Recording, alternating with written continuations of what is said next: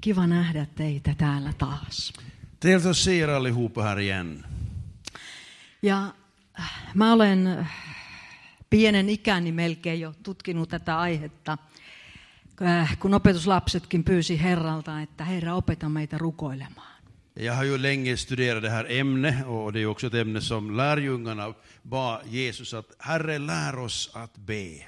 Ja mä uskon, että se on meille kaikille jatkuva äh, pyyntö ja opiskelun aihe. Och jag tror att det faktiskt är en bön som vi alla återkommer till och som vi behöver be Ja, om hjälp med. äh, tosiaan tänään puhun erityisesti yhteisestä rukouksesta. Och idag ska jag då speciellt fok- fokusera på den gemensamma bönen. Ää, Ylipäätänsä rukouksesta on mullakin valehtelematta toista hyllymetriä kirjoja. Om bönen så har jag säkert en och en halv meter eh, på hyllan av böcker i Ää, ämnet. mutta kirjoja, jotka käsittelee yhteistä rukousta, on ainakin mun käsiini tullut tosi vähän.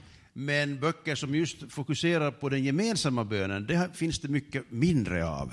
Ää, tässä on yksi Lance Lambertin messiaanisen jo edesmenneen juutalaisen kirjoittama valvoja rukoile. Och här finns då en bok som, het, eh, som heter Vaka och be av Lance Lambert, en messiansk jude. Laitoin tuonne äh, naulakon pöydälle kolme kappaletta. Nopeimmat saa sieltä ottaa itsellensä lainaan ja palauttaa sitten takaisin. Och de som är snabbast eh, ut härifrån ikväll så de hinner plocka åt sig en bok. Det finns tre av de här böckerna där ute på ett bord Ää, utan muren. Äh, Useimmista kirjakaupoista tuo kirja on ö, loppuun myyty, mutta netistä sitä vielä löytyy. Man kan få tag i den här över nätet också. Ää, Äh, Meillä oli ö, marraskuussa puhuin äh, otsikolla Rukoileva seurakunta. Eh, I november så höll jag, en- eh, predikade jag också över det här ämnet, eh, den bedjande församlingen. Jo silloin jotenkin tiesin, että mä haluaisin jatkaa siitä aiheesta. Och redan då så visste jag nog att här finns mer som jag vill tala om. Marraskuussa meillä oli aiheena tällainen, että seurakunta on Jumalan huone, pyhähengen asuinsia, rukoushuone. Eh, Och då talar vi om att församlingen är Guds hus, eh, den, eh, den helige Andes boning och ett bönehus.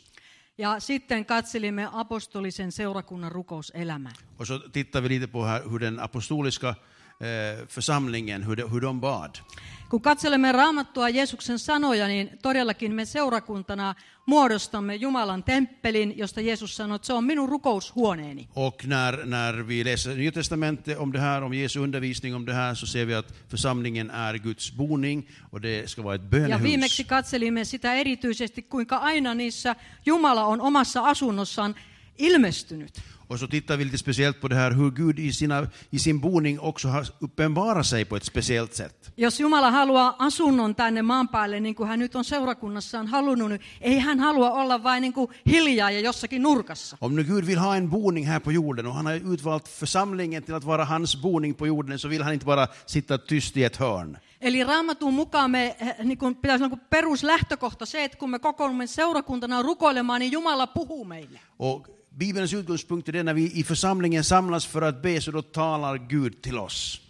Silloin eh, Jeesus lihansa päivinä oli temppelissään ja hän äh, raivasi sitä sieltä kaikesta sopimattomasta ja sanoi, että minun huoneeni on kutsuttava kaikkien kansojen rukoushuoneeksi. Och när Jesus vandrade på jorden så gick han ju till templet en gång och eh, röjde undan alla månglarna, de här köpmännen, för han sa att mitt hus ska vara ett bönehus.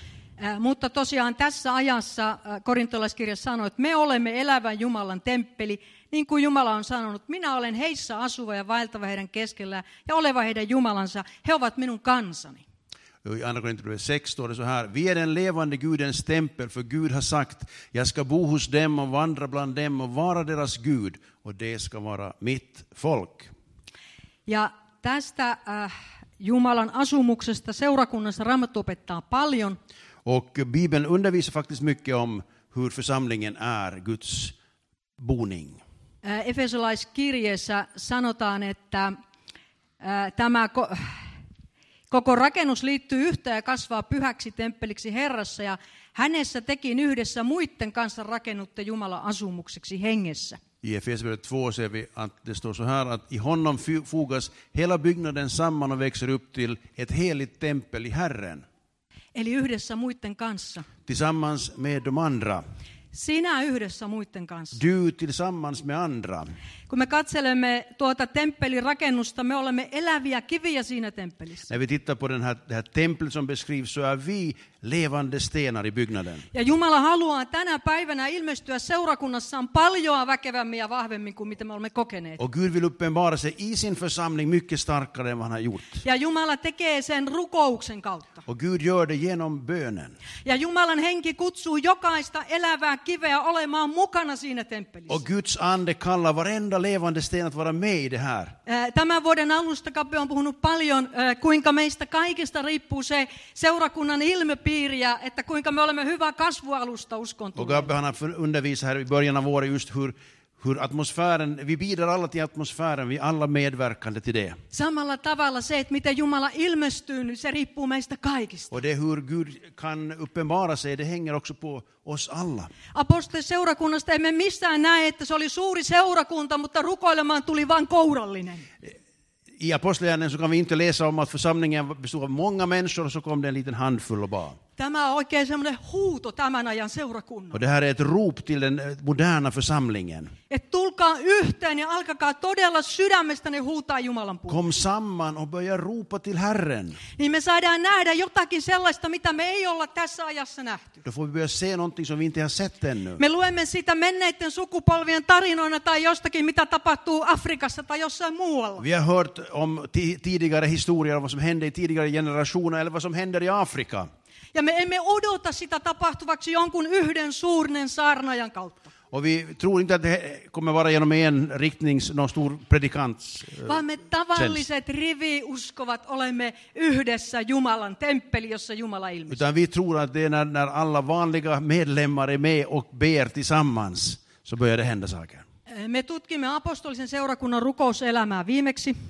Alltså senast så talade vi då om, om just hur bönelivet såg ut i den ap- första församlingen. Ja me näimme, että rukous oli hyvin keskeinen asia siinä Jumalan palveluksessa. He pysyivät keskinäisessä rukouksessa. Eh, Och vi ser att, den här, att bönelivet och den gemensamma bönen var en väldigt central del av gudstjänsten, av, av, av församlingslivet. Ja kun tuli vaikeuksia, niin heillä oli valmius kohdata ne vaikeudet. Och när det blev svårigheter så hade de en beredskap att, att möta också de här svårigheterna tillsammans. Kohdata ne vaikeudet yhdessä Jumalan kanssa. Och de mötte de här svårigheterna tillsammans med Gud.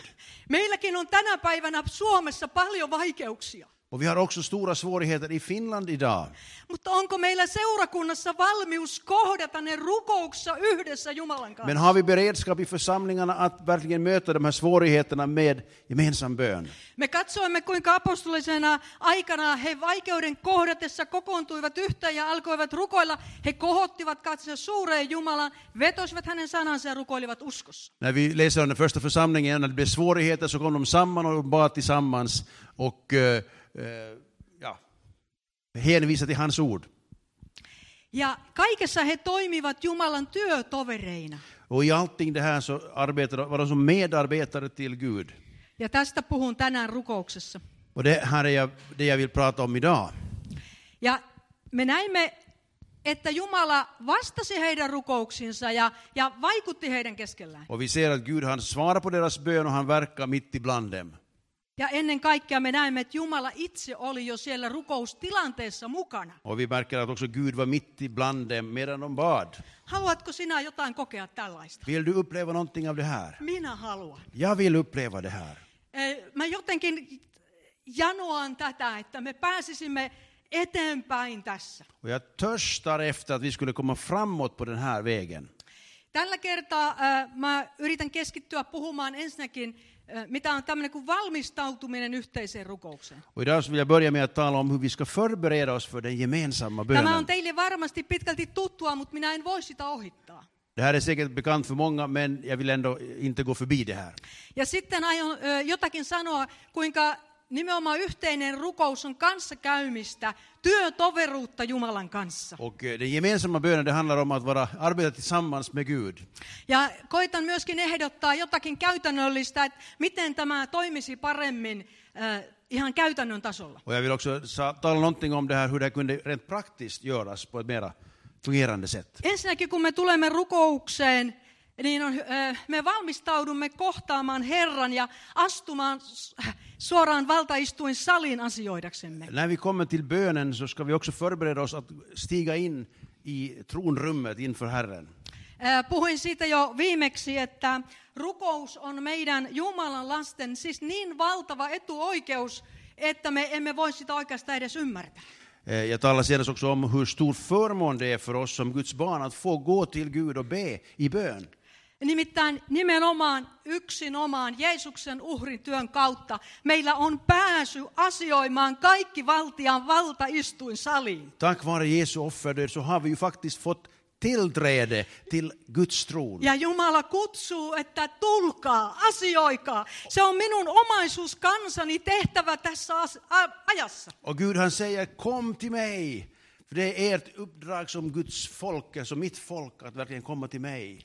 E, Ja toinen puoli on, että sinne ö, kaikkeen Jumalan valtaistuimelle ei ole mitään asiaa ilman Jeesuksen uhrin tuomaa pyhyyttä. Och ingen har tillträde till Guds tron utan att vara iklädd den, den renhet, den helighet som Jesu död ger oss. Ajatelkaa sitä. Jumala on pyhä Jumala ja Jeesuksen pyhyyden kautta meillä on pääsy asioida hänen kanssaan. Gud är en helig Gud, men genom Jesus så har vi också tillträde, blir vi också heliggjorda. Niin kuin Eeva alussa luki, että kun me hänen tahtonsa mukaan anomme, hän kuulee ja sitten meillä jo on se, mitä olemme anoneet. Som eh, Eva re- läste här i början, så när, han, när vi ber i, i- i enlighet med hans vilja så har vi också det som vi, vi ber om.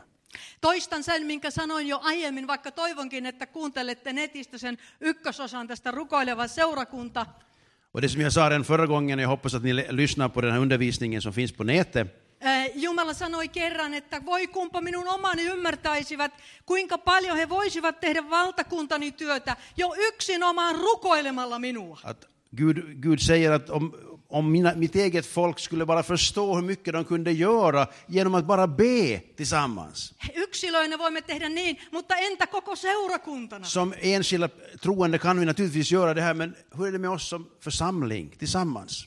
No kuinka me sitten valmistaudumme tavallaan tähän ö, yhteiseen rukoukseen? Och hur ska vi då förbereda oss för den gemensamma bönen? Eh, Juuri Jeesuksen uhrin kautta. Genom Jesu offer. Eh, Me saamme pois panna kaiken, mikä painaa ja nostaa katseen Jeesukseen. Vi får sätta allt åt sidan för att lyfta vår blick mot Jesus. Kun me tulemme rukoilemaan, niin meidän ei tarvitse kantaa eh, sydämellämme olevia taakkoja yhtään sen pidemmälle. Och när vi kommer tillsammans för att be så behöver vi inte längre bära på våra egna bördor. Ei meidän tule kantaa niitä koko rukoustilanteen läpi, vaan heti tuoda ne, mikä on meidän sydämessäni Herralle. Vi behöver inte panta på dem och vänta mer, utan vi kan genast lasta av oss dem inför Herren.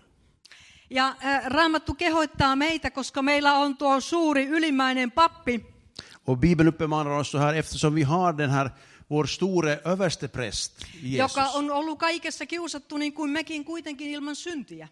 Eh, Vi har en överstepräst som alltså har varit frestad i allt, men, inte, eh, men utan synd. Käykäämme sen tähden uskalluksella armoistuimen eteen, että saisimme lauperia ja löytäisimme armon avuksemme oikeaan aikaan. Så låt oss därför frimodigt gå fram till nådens tron för att få barmhärtighet och finna nåd till hjälp i rätt tid.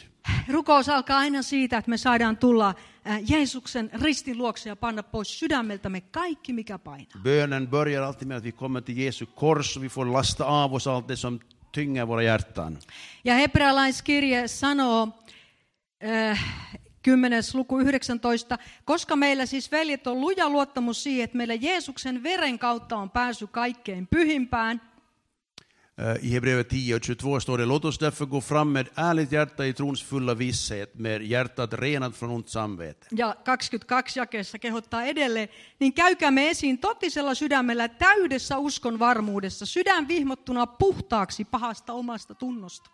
Jag, alltså gick- jag hoppade dit direkt. Eh, Tidigare stod det att Jesu, i kraft av Jesu blod kan vi därför frimodigt gå in i det allra heligaste. Och låt oss därför göra det med eh, trons fulla visshet.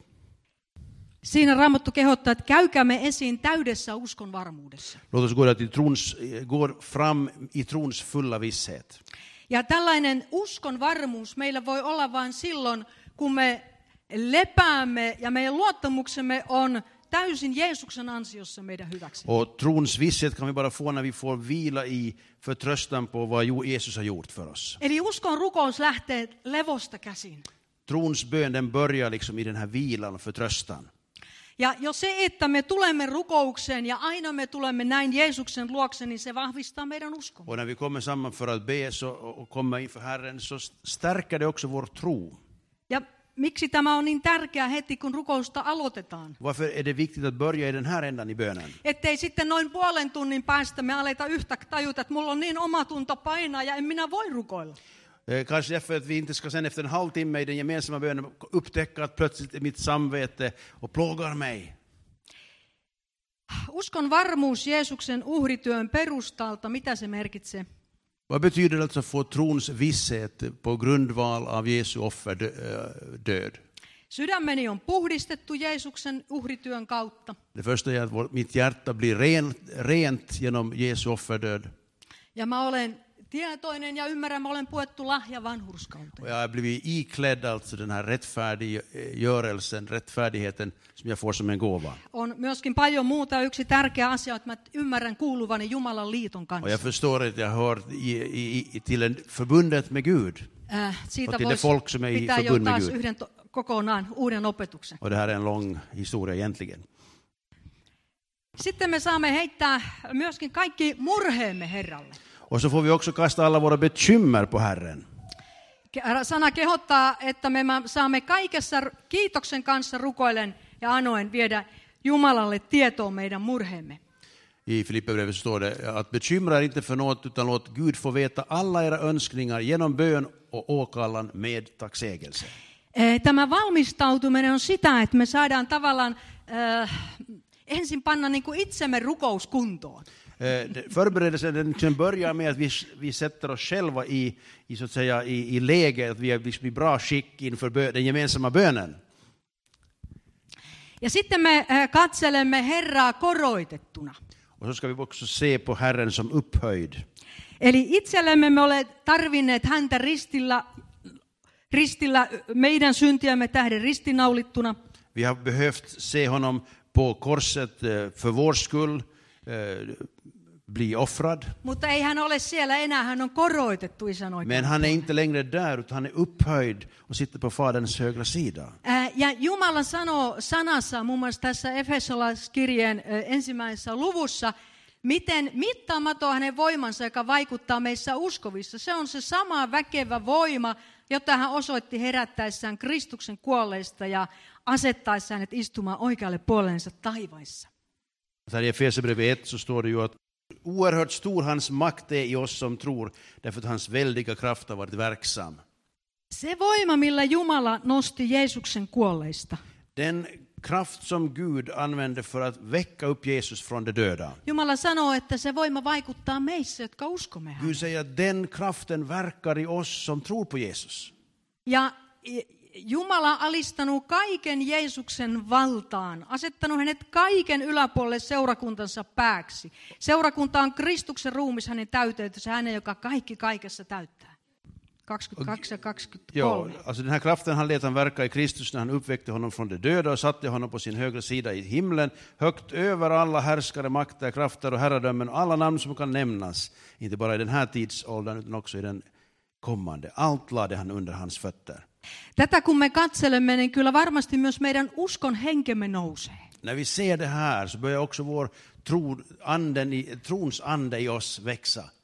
Ja Jeesuksen nimen alle on alistettu kaikki. Under Jesu namn är allting lagt. Ää, Äh, Tuli mieleen tuo ilmestyskirjan jae, kun äh, sanot, että kohta minä olin hengessä ja katso taivassa oli valtaistuin ja valtaistuin, meillä oli istuja ja sitten kerrotaan kuka se on. Jag kommer att tänka på den här eh, versen i Uppenbarelsen 4 och 2. Där Johannes skriver att genast var jag i anden och se en tron stod i himlen och någon satt på tronen. Jospa pyhä henki saisi meitäkin viedä aina rukoustilanteessa hengessä katselemaan tuota valtaistuimella Om den istuja. helige ande bara skulle få föra oss i bönen in i trons, tro, vad heter det? I himlen för att se den här tronen där någon sitter. Silloin meidän ongelmamme pienenisivät ja, ja, ja usko siihen, että Jumala voi hoitaa ne kasvaisivat. Då skulle våra problem bli lite mindre och vår tro på att Gud har möjlighet att förändra bli mycket större. Ja eh, tämä, miten eh, Jumalan eteen tullaan, niin se on koko raamatun tulkaa hänen porteilleensa kiittää hänen esipiholle ylistystä laulaen, kiittäkää hänen nimeään. Och hur vi ska vi då närma oss tronen? Jo, det står så här i psalm 100. Gå in i hans portar med tacksägelse, i hans gårdar med lovsång. Tacka honom, lova hans namn. Eh, Ja vielä pari asiaa tästä valmistautumisesta. Ännu ett par saker om förberedelseprocessen. Eh, Yksi eh, ihmeellinen asia, mitä Jeesus on antanut omillensa, hän on antanut oman nimensä käyttöoikeuden. En förunderlig sak som Jesus alltså har gett åt de som tror på honom, nämligen att vi får rätten att använda hans namn. Eh, Se on kyllä ihmeellistä. Och det är förunderligt. Mitä se merkitsee? Och vad betyder det då? Jeesus sanoo siellä myöskin, että nämä merkit seuraavat niitä, jotka uskovat, he panevat kätensä sairasten päälle minun nimessäni. Och ja det he står ju tulevat också om att terveiksi. Jesus säger att ni, i mitt namn ska ni lägga händerna på de sjuka och de ska bli friska. Hänen nimensä on aivan niin kuin hän. Hans namn betyder att han är där. Det är Hän on hans med det. antanut oikeuden käyttää hänen nimeään. Och han har gett oss rätten att använda hans namn. Ja hebrealainen ajattelu on, että jos jossakin, missä Jeesuksen nimi mainitaan, niin hän on siellä läsnä. Och, och tanken är här den att att där som man nämner hans namn, där är han också närvarande. Äh, Sen tähden äh, Jeesus sanoikin siellä Matteuksen evankeliumissa, että kun hän puhuu rukouksesta ja rukousvastauksesta, niin missä kaksi tai kolme on koolla minun nimessäni, niin siellä minä olen heidän keskellään. Och Jesus säger just så här i Matteus 18 att där två eller tre är samlade i mitt namn, där är jag mitt ibland er. Äh, Se, että me tulemme yhteen, niin kuin me usein sanomme, me aloitamme tämän tilaisuuden Jeesuksen nimessä. Och ofta när vi kommer samman så säger vi ju att vi, vi börjar det här mötet nu i Jesu namn. Se on paljon enemmän kuin vain jonkinlainen sanonta. Och det är mycket mer än bara en sån här ett ordspråk eller en, en ritual. Kun me mainitsemme Jeesuksen nimen, hän sen ajattelun mukaan hän on täällä läsnä. När vi uttalar hans namn så är han också i, i enlighet med det här ordet närvarande. Ja kun me rukoilemme hänen nimessään, Och när vi niin meillä ber i on hans namn tärkeää kuunnella, mitä hän on mieltä siitä rukousasiasta. så är det ju viktigt att vi lyssnar in vad han har för tankar kring det vi ber. Eh, Sen tähden tässäkin eh, tilanteessa Jeesus sanoi, että minä sanon teille mitä tahansa asiaa kaksi teistä yhdessä sopii ja maan päällä rukoilee, sen he saavat minun isältäni, joka on taivassa. Sillä missä kaksi tai kolme on koolla minun nimessäni, niin siellä minä olen heidän keskellään. Eh, Att om någon kommer överens att be om någonting så ska de få det av min far, för där de är samlade i mitt namn, där är jag mitt ibland dem. Jos kaksi tai kolme hänen omansa on täällä ja Jeesus on täällä ja me yhdessä sopien Jeesuksen kanssa anomme jotain Jumalan tahdon mukaan, niin kyllä isä vastaa pojallensa. Om vi är två eller tre troende tillsammans med Jesus och tillsammans med Jesus också går inför Fadern och ber i enlighet med hans vilja, så då hör Fadern bönen. Eli näin me valmistaudumme esirukousta varten. Så här förbereder vi oss- oss för eh, förbönstillfällen också. Jumala kutsuu meitä, että me saamme sydän vihmottuna puhtaaksi pahasta u- omasta tunnosta. Vi får komma inför Herren och bli renade i vårt eh, samvete och i våra hjärtan. Puettuna hänen lahja Vi får vanhurskauteensa, klä på, honom, eh, klä på oss hans rättfärdighet. heittäen kaikki omat huolemme ja murheemme Jumalalle. Vi får kasta alla våra bekymmer på Gud. Katsella häntä valtaistuimella Vi får se honom sittande på sin tron ja rukoilla hänen nimessä. och så får vi be i hans namn. Ja sitten ö, seuraava a- asia, mistä mä haluan puhua, on rukous, vuorovaikutusta ja yhteistyötä Jumalan kanssa. Eh, Så vi har talat också om, om att bönen är så att säga en dialog och ett samarbete med Gud. Vi är Guds medarbetare. Me olemme rukouksessa Jumalan työtovereita. I bönen så är vi alltså Guds medarbetare. Ja näinpä rukous on yhteistyötä pyhän hengen kanssa. Och därför så blir också bönen ett samarbete med den helige Ande.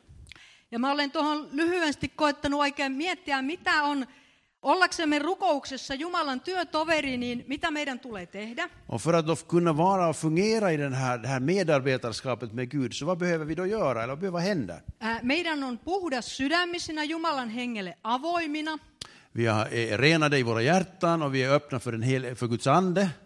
keskityttävä rukoukseen asia Och så kerrallaan, fokuserar vi oss i bönen på en sak i gången. kuullaksemme Jumalan För att puhuvan vi också ska kunna där höra vad Herren talar till oss. ja sitten toimittavan sen. Och för att vi också ska kunna eh, veta vad vi ska göra därefter. Tätä voi niin kuin miettiä, siinä on paljon. Det här, det här kan vi inte fundera på, det finns mycket i det här. Ja yhteinen rukous on siis vuorovaikutusta pyhän hengen kanssa. Eh, Den gemensamma bönen är alltså dialog med och samarbete med den helige Ande. Ja kun se on yhteistä rukousta, niin se on vuorovaikutusta myös toisissa asuvan Och pyhän när det är en hengen kanssa. gemensam bön så handlar det också om att vara i dialog med dem som är med och ber. Ja tällä tavalla meidän, kun me ymmärrämme tämän pyhän hengen merkityksen todellisuutena rukouksessa, Och när vi förstår att den helige Ande är med oss på, på riktigt i bönen ää, meidän tulisi olla avoimia ollaksemme hengen käytössä. så behöver vi också vara öppna för att kunna bli brukade av den helige Ande i bönen. Eli rukoustilanteessa rukous siirtyy rukoilijalta toisille, niin näin pyhä henki pääsee johdattamaan ja Och puhumaan. om bönen då f- liksom går från, från bedjare till bedjare så får också den helige Ande eh, möjlighet att leda och tala in i situationen. Ää, Korintolaiskirjeessähän sanotaan, että pyhä henki jakaa itse kullekin niin kuin tahtoo. Och i första Korinthierbrevet 12 så läser vi om att anden fördelar sina gåvor åt var och en som han vill. Ja me olemme äh, tämä hengen temppeli. Vi är ju andens tempel Ja emme me voi määrätä sitä, että millä tavalla pyhä henki haluaa itse kutakin rukoilijaa käyttää. och inte kan vi diktera hur den helige ande vill eh, bruka någon av oss i bönen. Meidän tulisi olla avoimia ja rohkeita Så vi olla behöver pyhän vara hengen käytössä. öppna i bönen och samtidigt också frimodiga i bönen. Ehkä tämä on ö, jotain siitä, mitä Jeesus sanoi samarialaiselle naiselle, että tulee aika, jolloin totiset rukoilijat rukoilevat isä hengessä ja totuudessa. Det är kanske någonting av det här som Jesus sa till den samaritiska kvinnan när han säger att det kommer en tid när sanna tillbedjare ska tillbe Fadern i ande och sanning.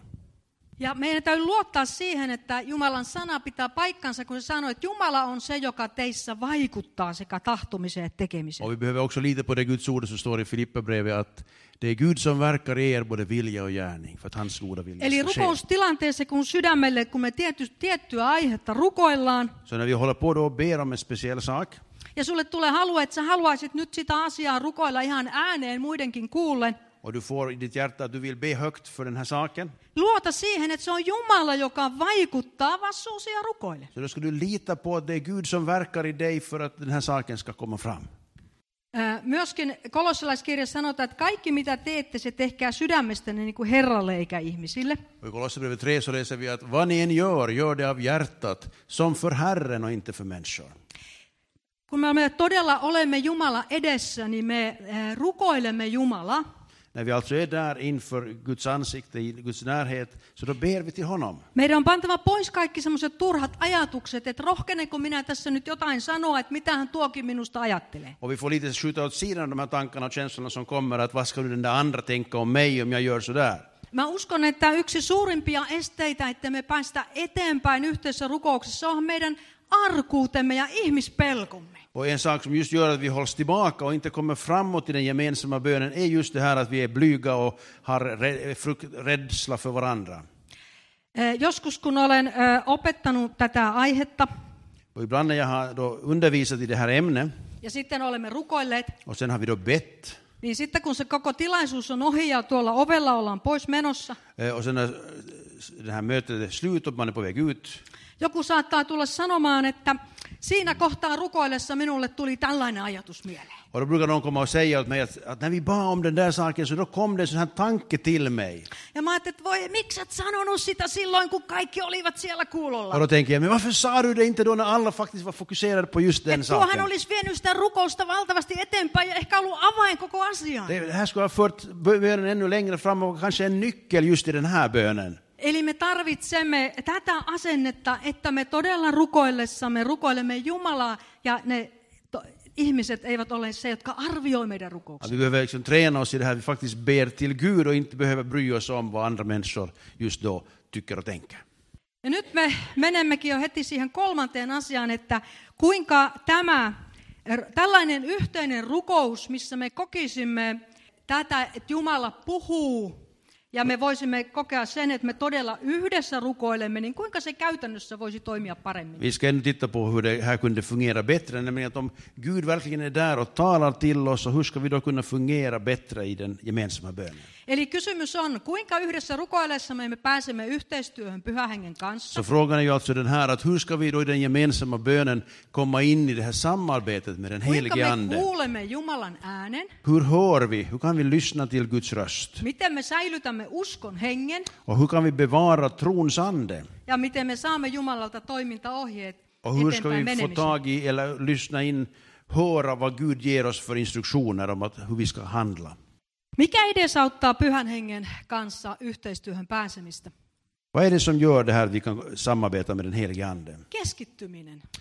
En sak är alltså att fokusera, Oletteko ollut, koncentrera sig. oletteko ollut semmoisessa keskustelussa mukana, vaikka siinä olisi viisi henkilöä, kaikki puhuu omaa aihettansa. Har du varit med i någon grupp någon gång där det är några människor, fem stycken, och kanske sitter och pratar alla om sitt, sina grejer kors och tvärs? Eh, Se on aikamoinen balagaa.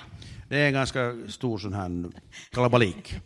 Ja samalla tavalla meidän täytyy ajatella, eihän keskustelu mene eteenpäin, ellei me puhuta jostain tietystä asiasta sen porukan. Det är svårt att få ett samtal att liksom gå framåt om vi inte kan komma överens om att tala om samma sak.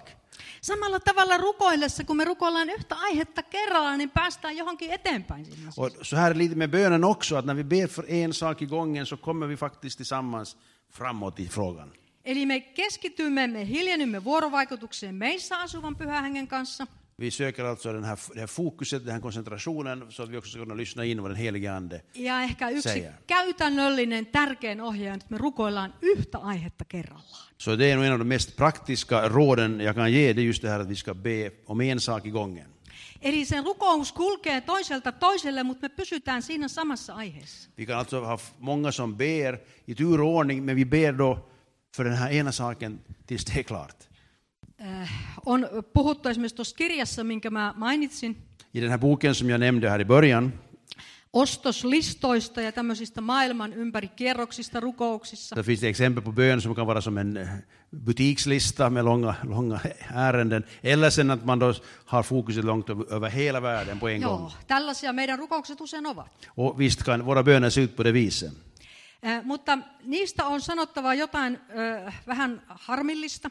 Och det kan ändå vara lite negativt i det här. Ensinnäkin ne häiritsevät keskittymistä Herran äänen kuulemiseen. Eh, För det första när det blir så här splittrat så, så, så s- gör det det svårare för oss att höra också vad anden säger till oss. vad Jos Gud siellä säger on till jo oss. vaikka neljä, viisi aihetta yhtä aikaa niin kuin rukouksessa menossa, niin mä en tiedä, mihin, mihin mä kuuntelen niin kuin Jumalan puhetta. Att de håller på med fyra, fem eh, ämnen samtidigt så att säga, så, så är det lite svårt för mig att veta vilket av det här ska jag nu lyssna in Herren i.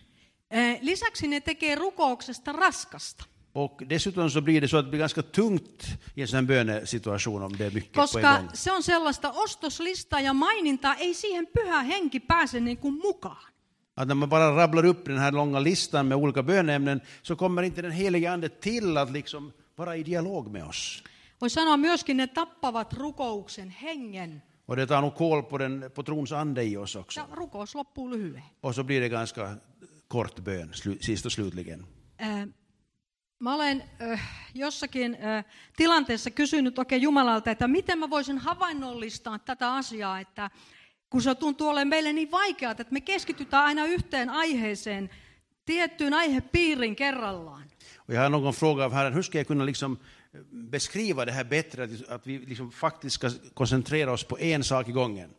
Niin hän toi mieleen vaikkapa jääkiekon. Och då förde han i mitt sinne det här med, med ishockey. Se on joukkuepeli, mutta siellä on aina yksi kiekko kentällä vain pelattavana. Det, det är ju så att det är, ett, det är ett lagspel, många spelare på plan, men det är bara en enda puck som ska spelas. Et ehkä se jotenkin havainnollistaa sitä, että me otamme sen yhden kiekon kerrallaan ja me joukkueena koitamme viedä sitä niin kuin vastapuolen Kanske maalle. det, det kan hjälpa oss att förstå lite den här tanken att vi, vi tar en puck i gången och så tar vi det som laget, med laget och för det i mål. Ajatelkaapa, minkälainen äh, balagaan tulee, jos tuonne jääkiekkopeliin sieltä heiteltäisiin muutama kolme neljä kiekkoa kerralla. Eh, Ni kan ju föreställa er vilket kalabalik det skulle bli om man skulle slänga in många puckar på isen på en gång. Äh, Toinen ajatus tuli, kun äh, jossain syksyn vaiheessa näin kurkiauran muuttavan. Och Och eh, så har jag också fått den här bilden av att eh, när vi ser tran, eh, f- eh, vad heter det, plogen f- flyga förbi. Silloin oikein määrittelikin tätä, että on päämäärä tietoista, keskittynyttä, kuuntelevaa yhteistä rukousta ja yhteistyötä pyhän hengen johdossa. Och deras sätt att eh, flyga så ger mig tanken alltså att, man, att vara målmedveten, fokuserad och vara i, i den här, eh, in, man lyssnar in den här gemensamma bönen tillsammans med den helige Ande. Ja kyllä te varmaan tiedätte, että kun kurki aura lähtee täältä ää, syksyllä, Det vet ni ju att när tranplogen beger sig söderut härifrån på hösten ää, se lentää hyvin päämäärätietoisesti sinne, minne se on menossa. så flyger de mycket målmedvetet mot det mål de ska, ska till. Ja se, joka on siellä kärjessä, Och den som flyger i, i spetsen, se vaihtuu vähän väliä. den byts ju ut alltid då och då. Sieltä perältä tulee se, joka äh, on tavallaan saanut olla ilmavirran suhteen niin kuin levossa, niin se menee kärkeen auraamaan tietä. Någon som har varit i, i liksom, i andra, tredje led så, så har fått njuta av att, att flyga lite lättare så flyttar fram i spetsen. Ja kärjestä siirrytään taas lepovuoroon. Och sedan från spetspositionen så flyttar man till en mera vilsam position igen. Ja tä- tämä niin kuin koen, että se kuvaa parhaimmillaan yhteistä rukousta, että siinä se ö, ääneen rukoilija, niin kuin, ö, joka korottaa äänensä muiden yläpuolelle, niin, niin se on niin kuin vuorollaan niin kuin johtamassa sitä rukousta. Och då tänker jag liksom att det är lite så här i jämförelse med bönen, när vi ber tillsammans och en som leder i bön är liksom i spetsen av plogen. Mutta jos kurkiaurakin menisi niin, että se on se yksi johtaja koko ajan, niin ne ei pääsisi määränsä päähän. Men om det bara är en som flyger där i spetsen hela tiden så skulle de inte orka ända fram. Eikä se ole tarkoitus, koska pyhä henki voi antaa sitä rukoiltavaa kenelle tahtoo. Och det är inte heller meningen att det ska vara så, utan den helige Ande kan inspirera olika bedjare att be i tur och ordning som Tämä han vill. kuva, ei kuvaa, mutta tämä ajatus on myös tästä Lans Lambertin kirjasta. Och den här bilden som kommer nu så är också från den här boken. Eh, Kun rukoilemme, pyhä henki on kuin orkesterin johtaja. Och när vi ber tillsammans så kommer den helige Ande som vår dirigent. Erässä mielessä kaikki todellinen rukous on hengen ilmenemistä, Eh, På ett sätt så kan man säga att en verklig bön är anden, ett, hur anden uttrycker sig. Rukoilemme hengessä, hengen taakka antaa sysäyksen rukouksellemme, hän antaa virikkeen. Eh, Vi ber i anden och andens börda ger liksom en puff eh, i, till vår bön och han, han ger oss alltså eh, tanken. Hän johtaa ja tekee meidät kykeneviksi rukoilemaan. Me olemme voitelussa ja sen alla ja hän on se, joka liittää meidät harmonisesti yhteen. Eh, Han alltså leder och gör, ger oss förmågan att be och vi är då i smörjelsen och under det smörjelsen och han är den som fogar ihop oss harmoniskt. Tuo paikka, missä Jeesus puhuu, että jos kaksi teistä sopii, eh, niin se sopia-sana viittaa juuri tähän harmoniaan. Och eh, det här Jesusordet som talar om att när två eller tre kommer överens att be, det, han, det liksom pekar just på det här ordet att hitta harmonin. Ja nyt ihan muutamia vielä käytännön ohjeita. Och ännu några praktiska råd. Eh, Kun me rukoilemme sitä yhtä aihetta kerrallaan, När vi ber för det här ämnet vi har valt Eh, niin me todella kuuntelemme se- he- sisäisessä maailmassamme Jumalaa, så lyssnar vi in i vårt, i vårt hjärta, i vår ande, vad, mutta vad Gud säger. toisaalta myös sitä, miten Herran henki johtaa rukousta toisten kautta. Men också vad anden leder bönen, hur anden leder bönen genom de andra som ber. Ja tällä tavalla se rukous ei ole vaan niin kuin, että me mainitsemme sen asian Jumala edessä, Och då handlar det inte om att vi bara nämner om sakerna som vi vill lyfta fram. eh, vaan kun toinen jatkaa sitä aivan kuin sitä kiekkoa maaliin päin, niin se monipuolistuu se meidän rukouksemme ja me saatetaan yksi, kaksi itsekin havaita, että näinhän se asia on. Och eh, det blir så då att en, en annan fortsätter och ber och för vidare pucken så att säga. Eh, och vi kan se det från ett annat håll och upptäcka nya dimensioner i, i saken och i bönen. Ee, Eikä millään tavalla tarvitse pelätä hiljaisuutta ääneen rukoilemisen välillä. Och inte behöver man heller vara rädd för att bli tyst ibland mellan bönerna. Ja tällaisenkin äh, ajatuksen olla joskus saanut, että tottuneemmat antakoot tilaa myös aremmille rukoilla ja aremmat koettakoot rohkaistua olemaan hengen käytössä. Och eh, jag har också fått det, den, den, det rådet någon gång att de som är vana bedjare och ganska frimodiga, de kan ju också lite hålla igen och ge rum för de som är lite blygare.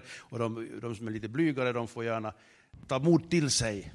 Nimittäin äh, semmoinen, joka ei ole niin tottunut ääneen rukoilemaan ja on arempi, se tarvitsee pidemmän ajan siihen, että se rohkaistuu.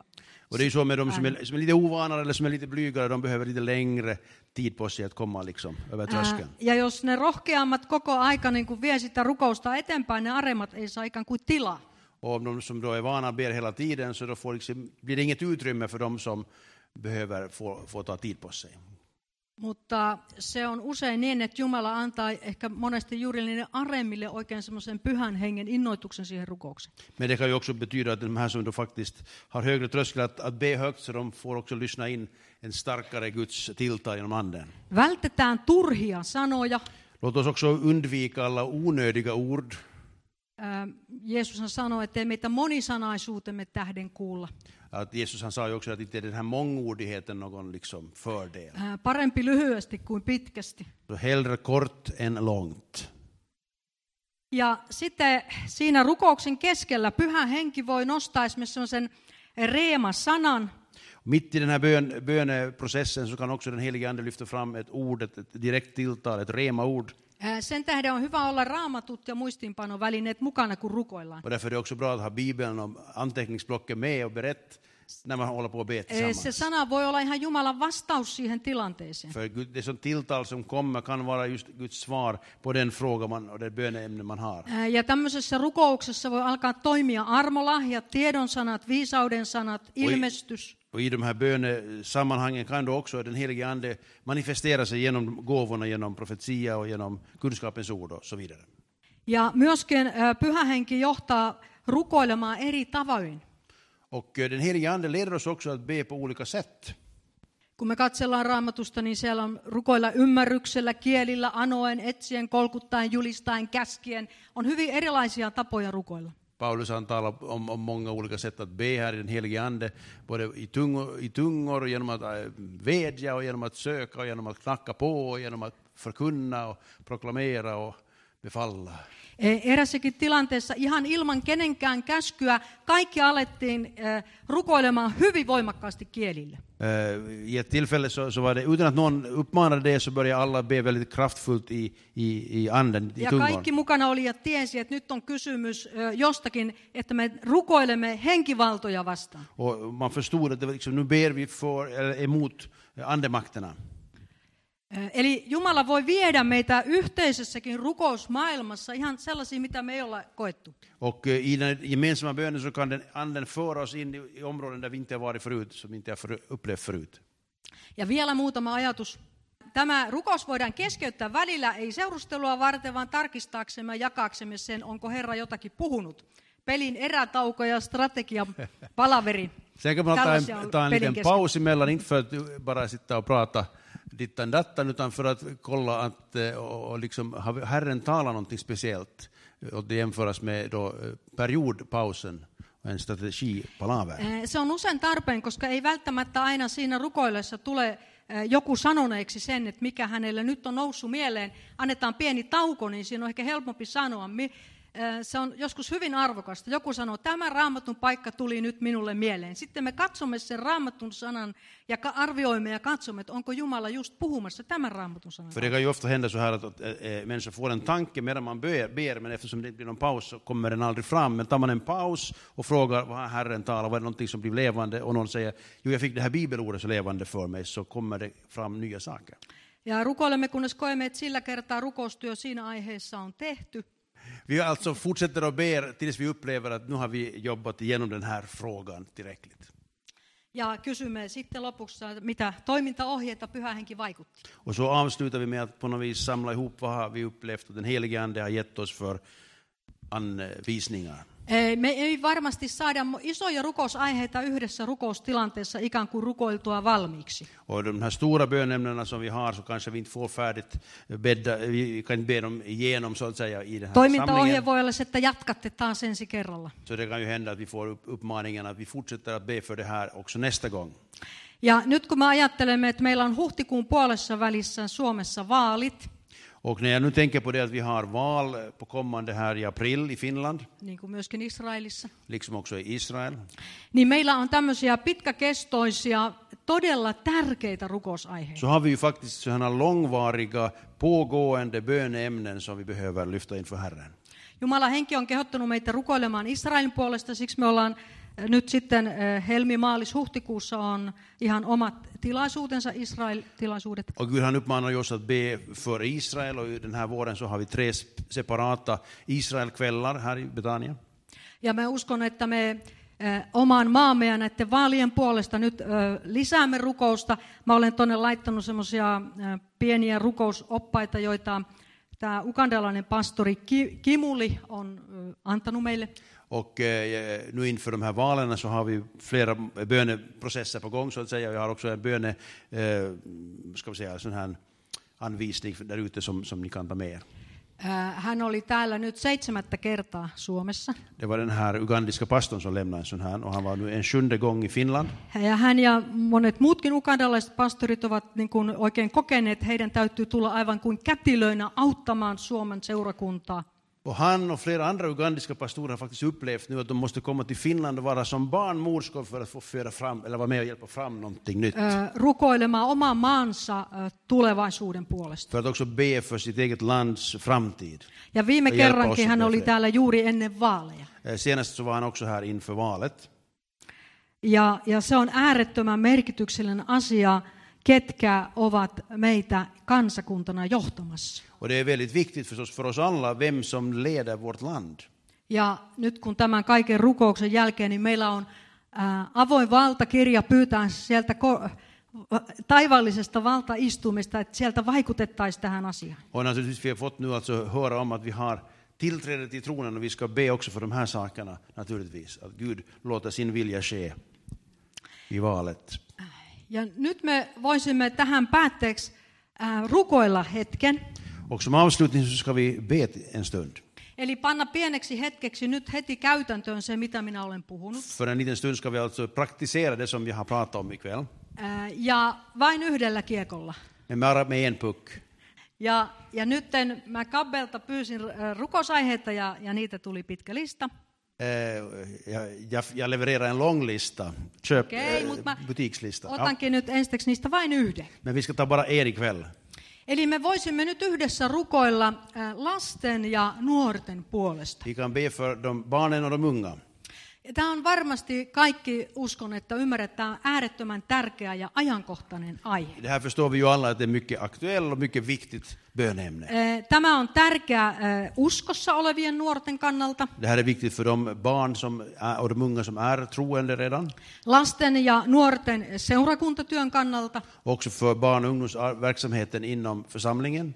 mutta tämä on äärettömän tärkeää ihan tuolla, ää, jos nyt sanotaan näin, maailmassa olevien lasten ja nuorten kannalta. Men det är oerhört viktigt också att vi ber för de unga i Sibbo helt enkelt. Ja tämä on todella tärkeä myös Sipoon lasten ja nuorten. Det här är alltså jätteviktigt för Sibbos ungdom.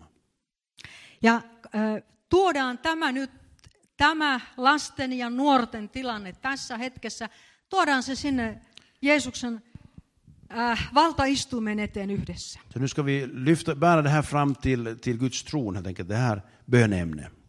Ja mä aloitan sen tässä ja sen jälkeen sä nostat kätesi, niin mä tuon tämän mikrofonin sulle. Och jag börjar och leder i bön och sen när du känner att du vill be så, ko- så lyfter du upp din hand så kommer jag med mikrofonen till dig. Sopiiko? Passar det att vi gör så här? Hyvä.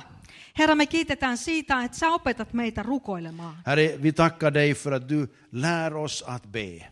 Herra, se on jotain, jota me, niin kuin sinun opetuslapsi lihasi päivinä, pyysivät sinulta. Det är ju någonting som lärjungarna redan på din tid så att säga på jorden eh, bad om att få veta. Ja mekin pyydämme sitä sinulta tänään. Och det vill vi också be om idag, Herre. Ja kiitos Herra, kun me nyt tässä käymme rukoilemaan lasten ja nuorten puolesta. Och nu ber vi, Herre, speciellt för barnen och de unga. Niin puhu sinä meille ja johdata meitä. Tala du till oss och led våra tankar. Laske meidän sydämelle niitä ajatuksia, joita sinä tahdot henkesi kautta meidän rukoilevan. Lägg på våra hjärtan de tankar som du vill att vi ska tänka kring det här. Tätä me rukoilemme. Det här ber vi om. Ja näin kun me, mä vielä nyt keskeytän, eli näin kun me rukoilemaan esimerkiksi irtomikkien kautta, niin kenenkään ei ole pakko rukoilla. Eh, Eh, Och när vi nu ber på det här sättet med lite mickar som går runt så är det ingen som måste be på något sätt. Voi rukoilla ihan sydämessään siellä ja, ja, ja näin, mutta joku joka kokee, niin nostaa vain kätensä, niin voi antaa lähteä niin kuin sitä kiekkoa kierrättämään. Eh, Men om det är någon som vill leda i bön eh, så kommer vi med mikrofonen. Ja nyt mä voin tuoda ensimmäiselle käden nostajalle tämän mikrofonin. Så ryck, lyft upp din hand om du vill leda i bön för Ja just sä barn voit och ungdom. rukoilla suomeksi tai ruotsiksi tai millä kielellä Och då kan hyvänsä. du alltså be på svenska eller på finska, hur du vill.